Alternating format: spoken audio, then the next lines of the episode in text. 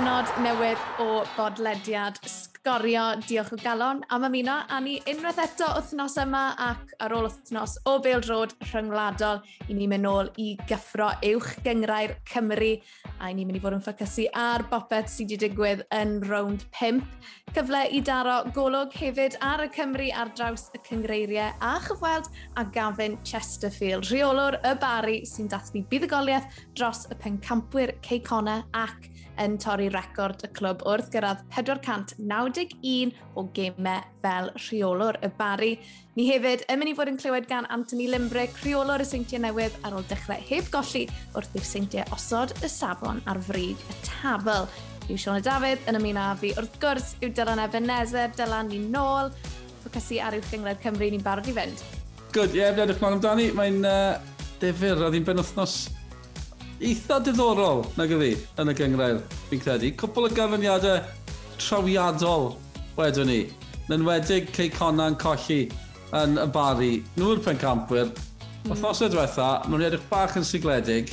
Cwpl o gemau cyfartal, yn chi'n meddwl, amdano nhw'n reit, oedden ni yn y bari. Fi'n credu bod yn, yn othnos mawr. Ac yn meddwl, y seintiau newydd, yn mynd i pen y bont, col gem gyfartal. Mae'n rhaid bod yn meddwl, bod nhw'n golli'n pwyntiau yn sydyn. Maen nhw'n clywed y sgôr o Bark Jenner. A maen nhw wedi mestyn i mantes, os rhywbeth. Mae'n uh, Yn gallu bod yn rhyfedd o fyd pil droed weithiau. Yn bendant, digon o bethau i drafod dros yr hanner awr nesaf, felly stedwch nôl a mwynhewch dyma podlediad sgorio. E, croeso ato ni. Hyfryd cael bod yma unwaith eto. A ni yn mynd i fod yn canolbwyntio tipyn ar Uwch Cyngred Cymru yn y pod yma. Pam lai? Digon yn digwydd. Mae'n rhaid i ddechrau, Sioned, ar Barc Jenner Dwi'n gwybod le mae dechrau, achos oedd y canlyniad yn fawr, oedd yr achlysur yn fawr, gyda Gavin Chesterfield yn torri'r record am y, y cyfnod hyrra fel rheolwr yn hanes y clwb, 491 o gemau erbyn hyn.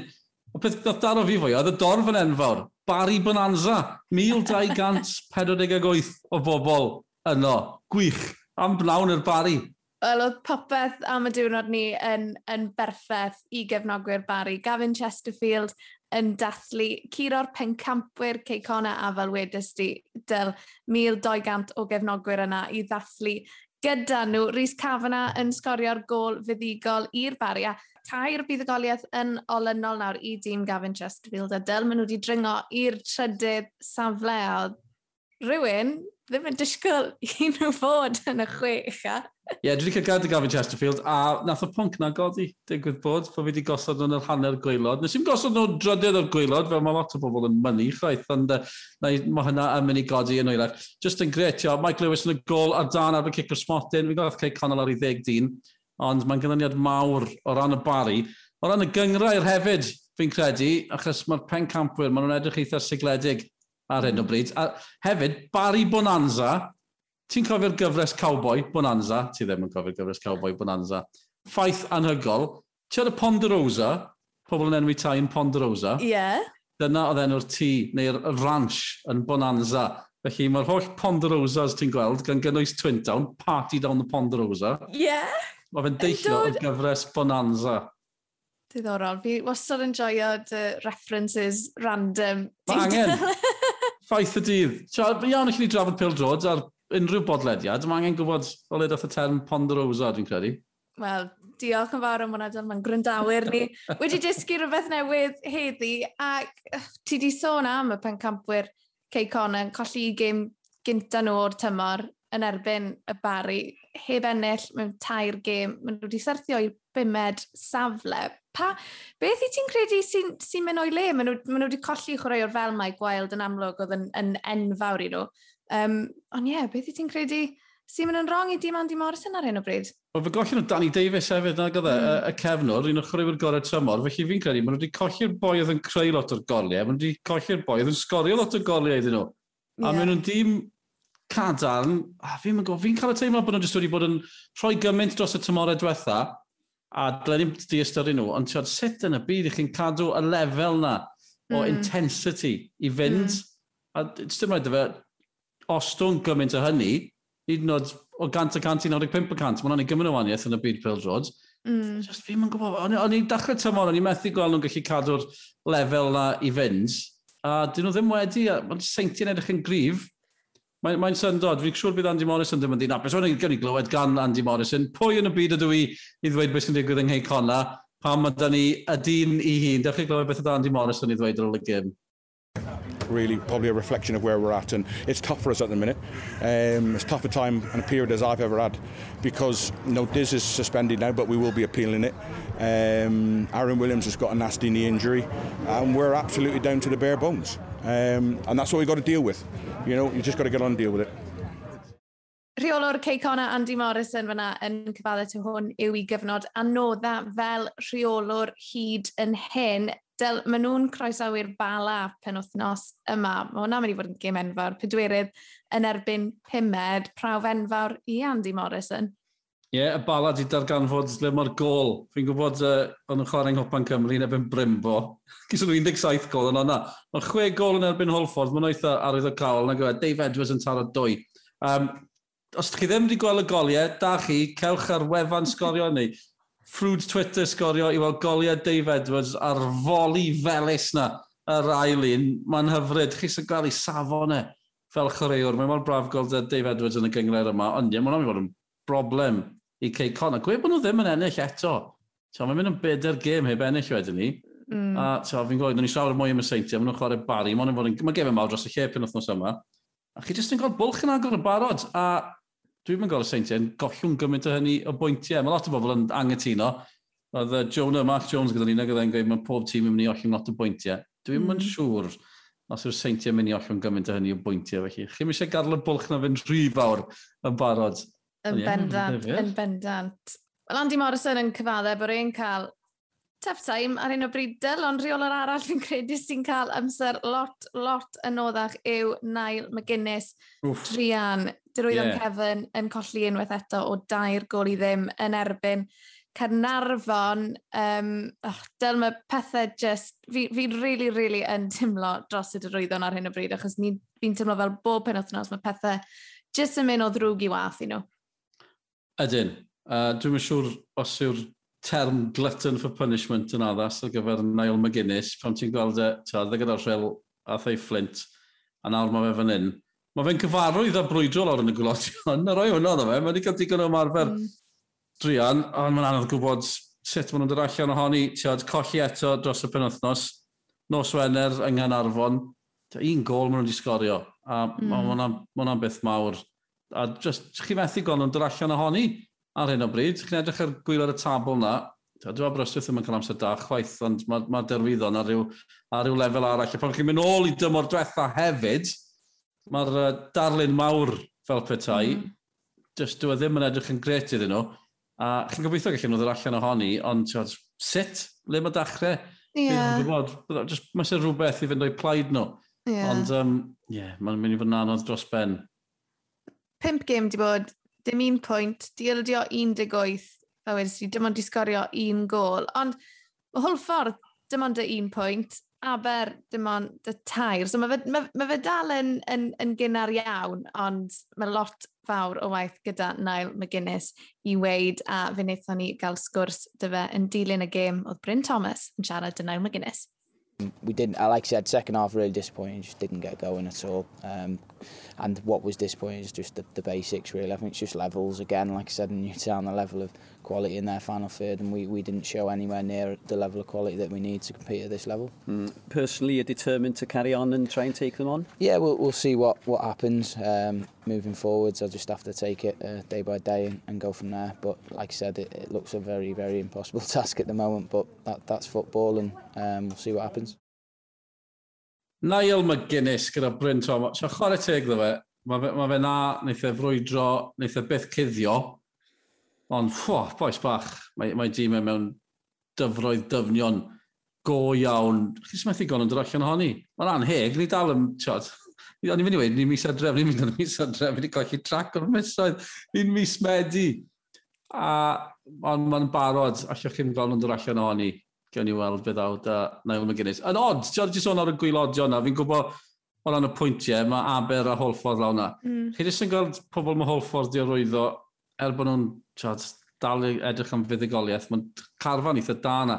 Aberystwyth, o'n i'n gwylio nhw penwthnos, just y rhediad mae Aberystwyth arno, colli o gol i ddim. Peder gêm yn olynol nawr o gol i ddim, a ni wedi bod na, Zabrau yn y gol, mae fe'n tîm yr wythnos o ran sgorio. Mae hwn gweud y cyfan. Oedd e'n ffantastig. Tro cyntaf i weld e yn y cnawd fel petai. Un o'r bediad ar ôl y llall. Oedd e, tiod, a rhai nhw'n point blank. Oedd hmm. e'n taflu, taflu, popeth ato fe. A gwyro yn y diwedd. Emlyn yn taro'r bil. Mae'n gwyro oddi ar yr amddiffyn. Ond unig ffordd yn mynd i giro fe, dwi'n credu. Dwy funud i fynd. A fel ti'n gweud, dyn nes i weld gwyneb Antonio Corbusiero oedd e'n cerdded draw i holi ni. Mae fe'n reolwr ifanc newydd. Tiad, mae rhaid bod yn anodd iddo fe peidio gwasgu'r botwm panic. Ond dylen nhw ddim, chos mae rhywbeth na, mae rhyw arwyddion bach bod nhw'n, mae potensial na.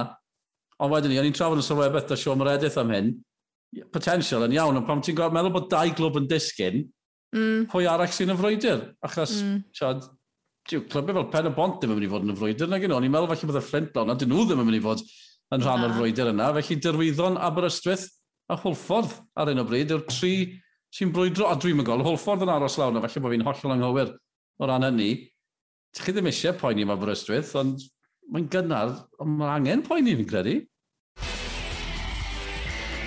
Wel, ni wedi bod yn trafod canlyniadau'r penwthnos yn uwch gyngrau'r Cymru yn gynharach yn y pod, a fel ni wedi sôn, un o brif ddigwyddiadau'r penwthnos oedd buddugoliaeth y bari dros Ceicona o gol i ddim, Ond, fel ni wedi sôn, beth arall oedd yn arwydd o cael am y gêm yma oedd bod Gavin Chesterfield yn torri record y clwb am y nifer mwyaf o gemau wrth lliw. 491 o gemau fel rheolwr y bari. Nawr, mae'r gair legend yn cael ei ddefnyddio'n aml yn y byd pildrod, ond mae Gavin Chesterfield yn certified club legend wedi codi'r bari o weilodion y pyramid pildrod yng nghanol trafferthion, oedd hi ar y cae i bildroed Ewropeaidd unwaith eto gan sefydlu'r clwb yn un o brif clybiau'r uwch gyngrair a cafodd del cyfle i edrych mlaen wrth edrych nôl gyda Gavin.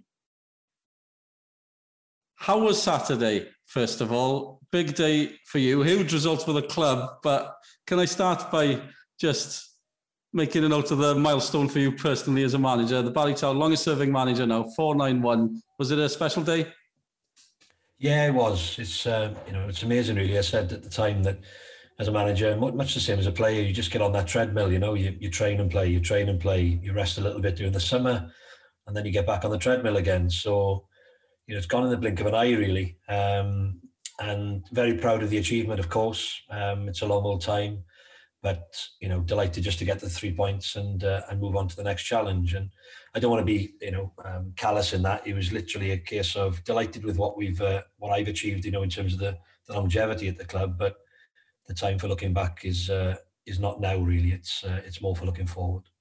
We mentioned the milestone 491. What was number one like? Do you remember that one, Gav? Yeah, I do. Yeah, it was um, Garden Village um, at home. Um, first game of the 2007 2008 season, I think it was we won 3 0, um, but the supporters must have been thinking, who the hell is this guy? He's you not really got a clue what he's doing because uh, I made four substitutions in that game. Um, and it wasn't as if I had the, you know, an extra time sort of substitute to use. It was literally doing the 90 minutes. And uh, the first game went to appeal, but thankfully uh, common sense prevailed and we, uh, we got the three points. We all mentioned the journey Town have been on. It's a cliche of the journey, but you have been on an incredible journey. Just, I know we've covered it before, but how close did it get for this club? Joe? How lucky are we all that Ballytown actually still exists as a club? Um, minutes, I guess. Um, I don't know the, the true ins and outs of it, but uh, ultimately it came down to the legalities of a decision. So, um, you know, I'm thankful that obviously went our way and we're able to do what we do. And I think it's such a such an important thing, particularly for our local community and, and for Welsh football. Um, I'd like to think we bring something to the table, um, whether we like whether we liked or whether we're not liked. At least we bring something, and uh, yeah, our supporters are you know I think they bring a lot to Welsh football, as I think the, the club does as well. And that brings us back nicely to last weekend, I guess. You know, over a thousand people there. It was bouncing again, a great win. Does that show the community spirit of the club, all those people that turned out?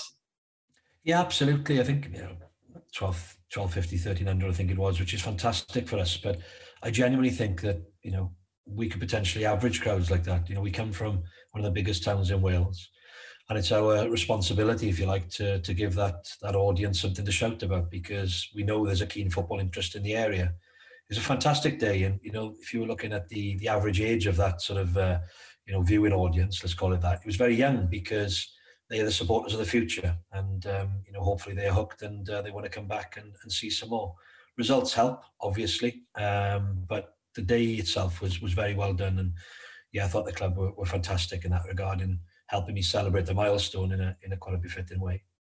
Um, I was just looking around Wales last weekend with the lower leagues as well, and you've got Colwyn Bay, Prestatyn, you know, big, big crowds. Britain Ferry were playing Trevelin. Yeah. There seems to be something going on, bubbling. Are you, are you sensing that as well, the interest that's out there? Yeah, absolutely. I think there's a massive um, sort of clamour to watch live football, but it's the experience, isn't it? You know, it's the ability to, you know, to go with your neighbour. It's the ability to to have something to to eat at the game, take your son or daughter, and you know, enjoy the full experience and, and be home within you know five ten minutes after kickoff probably. Um, so look, there's a, there's a lot of good feeling at the moment in Welsh football, and, and standards are increasing. You know, um, even you know below the the coming Premier League, there's a lot of good things happening that sometimes can go under the radar, and it's great to see. I think Welsh football's in a in a pretty good place to uh, to kick on. Town in a pretty good place right now. Um, third, three wins in a row. You ready for the challenge of the new Saints? Excited by the challenge. Um, always excited. You know, Anthony's got a really good team there and a fantastic club. We all know that, but you know, it's one of the major challenges in the league is to you know put a game plan together and pick the right side that's going to allow us to to do well in the game, and, and that's what we want. You know, we don't want to shy away from the challenge. We know we go into the into the game as underdogs, much like every or most teams do in the in the league against TNS. But yeah, it's a, it's a challenge that we're excited by, and uh, that I'm particularly excited by myself because you know you get tested week in week out by uh, every manager in this league, and, and this game is no different. So bring it on. And you've had some fun at Park Hall over recent years. is that a factor as well? Our, our, our, um, our, results there have been far better than they've been down with us. Um, look, it's a, it's a good place to play football. It's uh, you know an evening kickoff, so you know there'll be a bit of zip on the turf.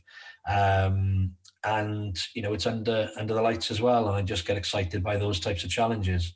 For us you know we know that anything less than our best is probably not good enough um, but we also know that our very best is good enough and uh, and that makes it uh, quite a good challenge for us and just finally, I have had some stick for placing you in the bottom half. I didn't put you bottom three. There's no way I'd have put that either. The Scorio boys have stitched me up on that one. So, um, yeah, just apologies for that one. oh, listen, I, I mean what I say. You know, uh, look, we've had a decent start to the season, but this season's long and hard. And, you know, I know this firsthand. This uh, this league has, uh, has really stepped up a notch this year. And uh, fingers crossed at the end of the season you are wrong, Dil. Fingers crossed.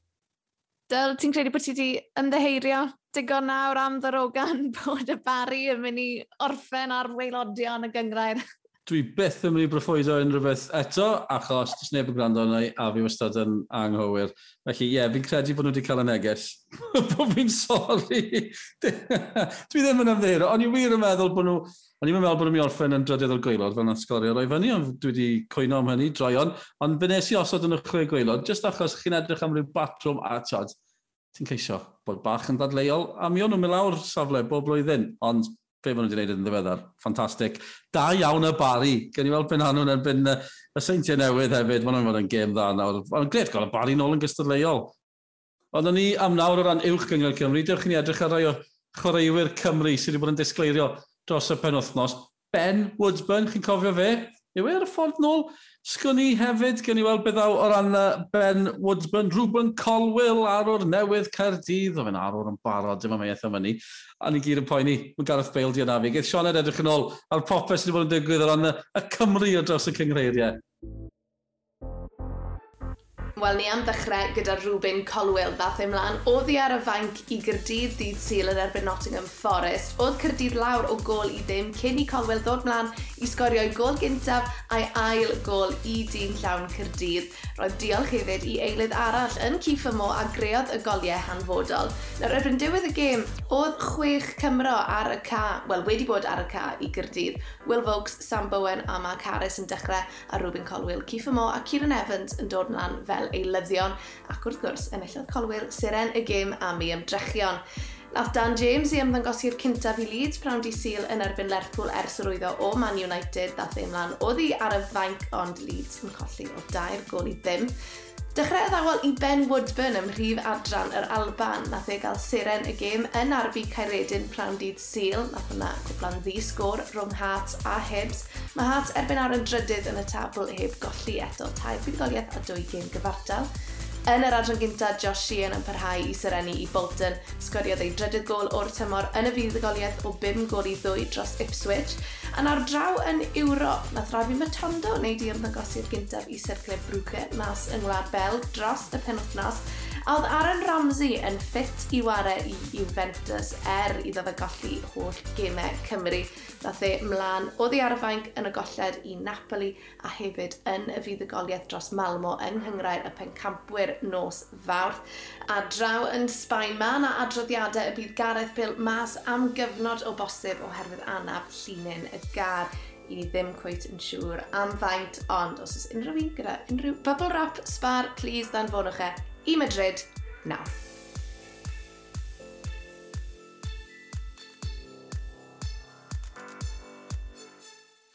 Ie, yeah, fifa Gareth Bale, uh, brifo Gareth Bale yn anffodus. Ni wedi bod yn poeni adroddiadau fel mae pethau newid chwe mis gynta, chwech wythnos wedyn ni, dyddiau bydd e allan yn ôl Carlo Ancelotti, uh, rheol o Real Madrid erbyn hyn. Ni, ni ddim yn gwybod, nag i ni, beth yw uh, maint yr anaf. Mae'n swnio'n addawol, o'n i'n poeni byddaf yn colli'r gemau fus nesaf yn yr Uniad Czech ac yn erbyn Estonia. Bosib bydd e ddim, beth sy'n amlwg yw, ni, mae rhaid i ni dderbyn, bydd e ddim gyda ni am byth, roedd i ddod yn uh, gyfarwydd o bywyd heb beil. A hefyd, ble mae'r goliau mynd i ddod heb beil na'r na cwestiwn i Gymru? Um... Tio be, fi'n gwybod, ie, yeah, ond oh, hyd yn oed yn erbyn Belarus, tiod, fi'n gwybod nath e gael hat-trick, a mae hwn yn swnio mor Rhyfedd, dim bod fi'n byrniadu fe. Ond dwy gicr smotyn a dyle'r golgeidwad i arbed y drydedd, i fod yn yeah, honest. Okay, a okay. mae fe'n arwr, mae fe'n arch arwr. Dwi ddim yn cwestiynu fe. Ond dwi'n no Bale ddim wedi bod yn tanio. Dwi'n Cymru ddim wedi bod yn tanio. No. Ond be sydd wedi fe nath achub ni yn Belarus, byddwn ni'n syni'n tasau fyna. Bydd Ramsey nôl, pwy o wir. Wel, hwn yw'r cwestiwn, achos fi'n gwybod pob tro oedd e ddim ar gael i Gymru, a wedyn mae Juventus yn tweeto i carfa nhw i wynebu Napoli, a pwy sy'n e? Aaron Ramsey. A ti just yn mynd, o sa'i moyn beirniadu'r boi, ond mae fe'n eitha od i feddwl, dylse Aaron Ramsey fod lot o gosach i'r canfed cap na, na beth yw e. I ni, mae fe braidd diwarau i Gymru dros y dwy tair blynedd diwetha yma. Fi'n gwybod yn amlwg mae problemau anafiadau dy fe. Ond pan i ti'n gweld bod e ddim ar gael i Gymru, yn cael ei tynnu mas o'r garfan, a wedyn cwbl o ddynodau wedyn mae fe yng Ngharfan Juventus. Mae hwnna'n yngwylltio i tyma bach. Na, a cant a cant, cytuno. A hefyd, o ti na pam goedden o'r garfan, oedd yn y garfan, a wedyn i hmm. Juventus yn coeddi bod e ddim yn hollach, a fi'n cael y teimlad, oedd hwnna heb cael ei gyfathrebu rhwng y clwb a Cymdeithas Bildroed Cymru. Mi oedd na adeg le bydde tîm meddygol Cymru yn asesu chwaraewyr yma, nag yn nhw dal yn dod draw mm. ta beth.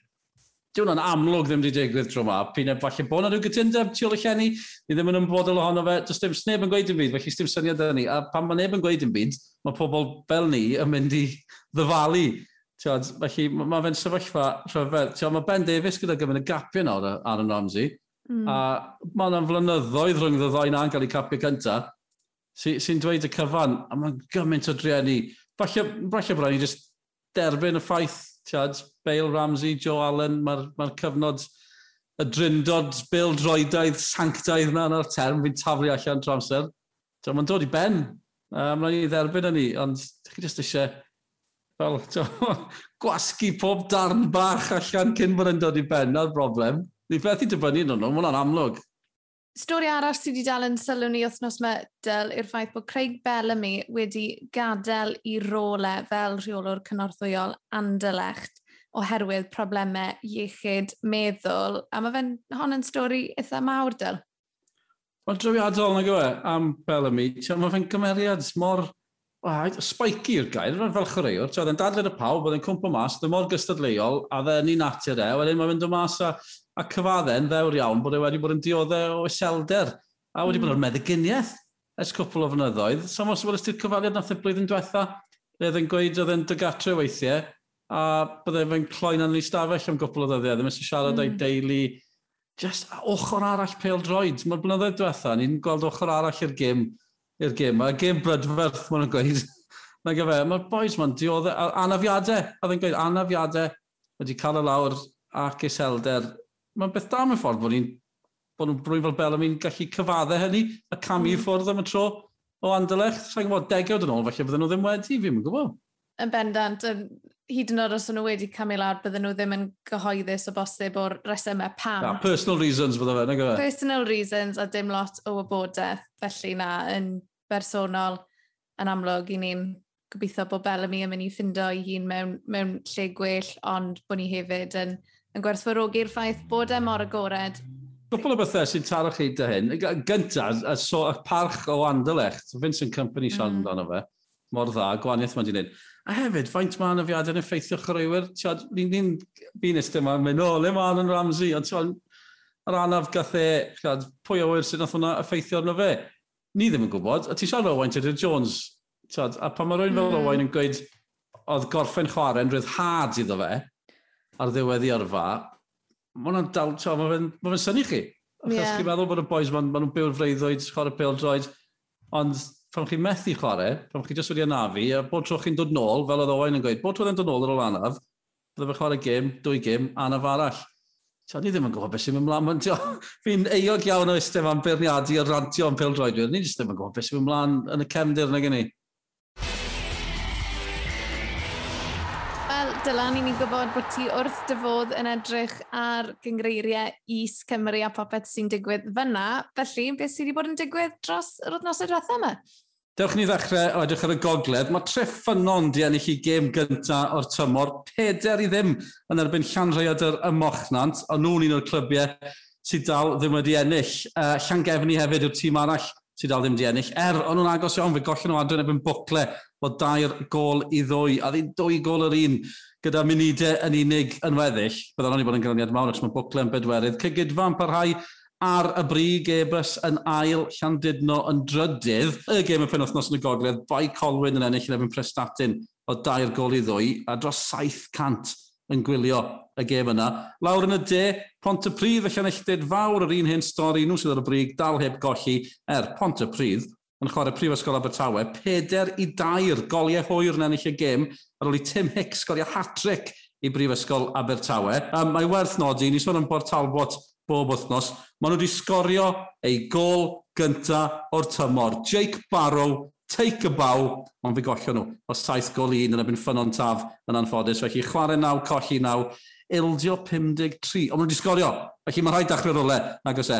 Y gemau penwthnos yma, werth cadw golwg ar rhain, uh, Pont y Pryd sydd ar y brig yn y de, maen nhw'n cwrdd y llan sawel, cynta yn erbyn trydedd. A gem y penwthnos yn y gogledd, e-bus sy'n ail, maen nhw'n cwrdd y bai Colwyn yn bimed, digon yn digwydd yn y cyngreiriau is yma.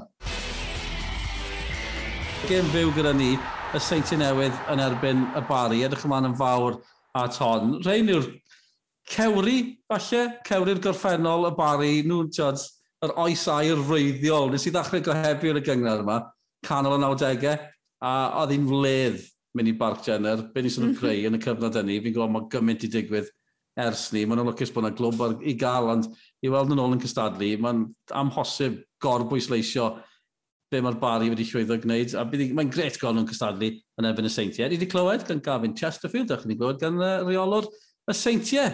Felly, gys i aed Anthony Limbrick hefyd. A, a fresh challenge. Um, for me, I really like the ambition of the club. Everyone at the club's been great in terms of their, um, like how welcome I've, I've felt, do you know what I mean, since I've been here and also in, in the Welsh football. I've been re- felt really welcome as well. So that makes it a lot easier, I think, when when you're you're accepted into into the group and and everyone's working ever so hard on the on the common goal to to try and get TNS back to, to where it was before. And we want, like we said, we want to try and win the league. We want to do well in Europe. And I think having a good start to the season and doing well in Europe has has, has made things easier, that's for sure. But no, definitely enjoying it so far and, and hopefully that continues. A big game on the weekend. I've got a few things to start with a number five for you, if that's okay. Um, yeah. Five games in, five points clear of Connors Key, and five months into the job. So uh, that's the theme at the start. So we start with five months into the job. How things yeah. how are things going then? Yeah, good. I mean, look, it's been a, I think it's been the busiest five months I think any sort of head coach or manager could have ever had. I mean, I come in with the last 10 games of, of last season and that seemed to go within, within a second. Um, we only gave the players two weeks off in the off season, um, which I'm sure they weren't too happy about, but we got them back in to try and prepare for Europe and work as hard as we could before then. And it's just, yeah, Europe was obviously busy with the six games that we had. And then suddenly we're out of Europe on the Thursday and then facing Newtown on the, on the, on the, on the, on the Sunday. So it was, yeah, it's sort of flown by. If I'm honest, I didn't even realise it was that long. To be fair, until you brought it up. So thanks, thanks for letting me know. Yeah. Can I ask you about Europe because the performances were just well. I, I got to say, I thought they were sensational. Some of the teams you came up against, but also on the other side, how frustrating was it for you to eventually go out yeah, it was. Look, it was frustrating, but I think when you can look at the players and they did everything you asked of them, they were just unbelievable in terms of their work ethic, their resilience, the way they hung in there in those games. And to fight against a team who two years ago, um, Viktoria Pilsen beat Roma in the Champions League and played Real Madrid in the Champions League group stages shows sort of how well we did. And you, you do look back at it and think we were 4 1 up coming into the, the last minute of that game in Cardiff and to concede so late on. And to score first in the tie away from home um, from a well worked goal that we we worked on with a weakness in theirs was was obviously frustrating to end up losing going out. But I think, like I said, when the players and the staff and everybody give everything, you can't complain at all. But I think you only get those small opportunities and chances against the best teams, and you, you have to put those to bed. So hopefully we'll learn from that. Um, one of our goals this season was to improve on Europe from last season. We feel like we've done that with with with, with that run, and I think we've shown everyone what, what we can do and, and what Welsh football can do by by those games. Yeah, I think Welsh football needed that boost as well. You certainly gave us uh, that over the summer. Another five, so we're five games in, top of the league, unbeaten. Happy with uh, how things are going? Yeah, well, I think similar to what we're talking about with the European games, that, that was one of the toughest things, getting the players back up and running again. I mean, they've been fantastic with that, their work ethic and attention to detail leading into these Welsh Premier League games now has been great. So yeah, that was our. We, we wanted to remain unbeaten for as long as we could. Um, we're disappointed that we did drop points on the weekend. But what I would say, it's a very tough place to go. Um, Penybon, it was a very hard game. The last three times um, I've played them and the teams played them, we've been nil nil at half time, and this was the same in this game. So when you go behind to them in, in, in that 60 odd minutes when we did to come back and get a draw, we, are happy with the players went to the end and, and credit to them that, that we didn't get beaten there. It's the first time you actually dropped points, but then you come off the pitch and see Connah's Quay have lost. So you're five points clear of Connah's Quay, the champions. How significant is that, do you think? Well, look, we don't look into that at all, really. We, are worrying about ourselves. I know it uh, sounds like a, a, bog statement answer, but it, it is definitely true. I mean, we concentrate on one game at a time. We've got a tough, tough game against Barry this weekend, against an experienced manager, a very well organised team. And every game so far has been so hard. Carnarvon at home was 5 3, but it sounded like an easy game, but it really was not. At 4 3, they were right in the game, and we conceded three goals at home, something we haven't done in a while. And it just shows, I think, how good the league is and how much better the league's getting and how close the teams are, are getting to maybe some of the, the part time teams to the full time teams as well. So, yeah, we, do, we don't look at, it, at anyone else and what they're doing. I mean, look, our, our goal this year is, is quite simple that we want to improve on last season. How do we improve on last season? And that's to win the league think when you're TNS and you're the TNS head coach, you you can't hide from that fact. That's what we want to do. We set that goal as the players and the players and the staff this year. So there's no there's no um, hiding from that. But we don't we don't look at anyone else. We want to make sure we do well, and that's what we've concentrated well. And we've managed to have a good start so far. A few changes over the summer as well. Declan McManus has certainly caught our eye. You seem to have found a gem there. How good is he? Yeah, well, look, we did a lot of um, research into into him and the type of forward that we wanted to bring in, and we needed to bring someone in who, obviously, first and foremost, was a goal scorer, but also could hold the ball up and was technically good, and and he fits those builds. And probably the most important thing I think is his character. He's very good. He fits in well with the group. He works ever so hard. He's a really humble guy. I think that's really important too with the players that we've got here. We wanted to add to the good characters and the value in the squad that we've got. So we're really pleased that he's doing that, but it comes from the good work from the other players as well to give him the service and and and get the goals he's got. I think he's on nine goals at the moment. I think he's three and five in the league and scored maybe six in Europe. I'm pretty sure. So yeah, it's a good return so far, but I still feel like there's a lot more to come from him. So we're working hard with him every day to get the best out of him. And just finally, you've mentioned it uh, already, Barrytown coming up. Uh, they've had a great few weeks as well. Yeah. Uh, what do you expect this weekend? Yeah, well, I mean, look, they have. They had a really good result on the weekend. Like I said, a very experienced manager knows the level well. And tactically, whenever we've played Barry in the past, whenever I've been involved in the games I've seen, I see different formations, different changes of shape. They're very good at adapting to what the opposition are doing. So it'll be really interesting to see what they what they do this weekend. And and we've had two tough games with them when we played them in the past, home and away. So yeah, I think it'll be a really difficult one for us. But I really feel like if we're on our game, passing the ball well and and, and really creating the chances that we can do, then and we'll have a, a very good chance to, to, to get maximum points in the game, which is our goal. Well, ie, yeah, Anthony Limbrick, mae fe dal yn tymlo fel ta fe yw'r new kid on the block, a byddai'n ddiddorol achos nath e ymuno well, dros hen y ffordd trwy tymor, tymor ddetha, Cei Conan ennill y gyngrair. Felly ti'n tymlo, tymor ddetha dde dal yn dod i nabod y gyngrair Rwy'n di newid cael gwared lot o chreuwyr, fe wedi di chreuwyr fel Declan McManus, maen nhw wedi ela lot o orian dros yr haf, felly ti'n teimlo fel taw hwn yw'r tymor mae Limbrick yn mynd i wneud i farc ar uwch gyngrair Cymru. Ie, yeah, ni'n barod amdani, gêm fyw dros y penwthnos, Saint i newydd, yn erbyn y bari, byddwn ni'n croesi'r ffin yn crwydro tiroedd y mers, fel bethau, i gyrraedd croes oswallt. Dwi'n edrych mlaen. Uh, bod rwy'n ni'n mynd fyna, fi'n meddwl can Super Furries ar yr ymylon nes o'n i'n chwarae fan'na blynyddoedd yn ôl pan oedd y seintiau newydd symud i groes osfall. Doedd hwnna'n stori ni hun, a'i sticlo ymlaen yn y car. Tra bod ni'n gyrru lan a tuag at uh, uh, croes osfall, wrth gwrs. Ond ie, na ni, am wythnos arall, mae rai fi orffen. Ni ddim wedi sôn am penawd pel droed yr wythnos. Nath Arsenal sgorio gol! Hey! Come on!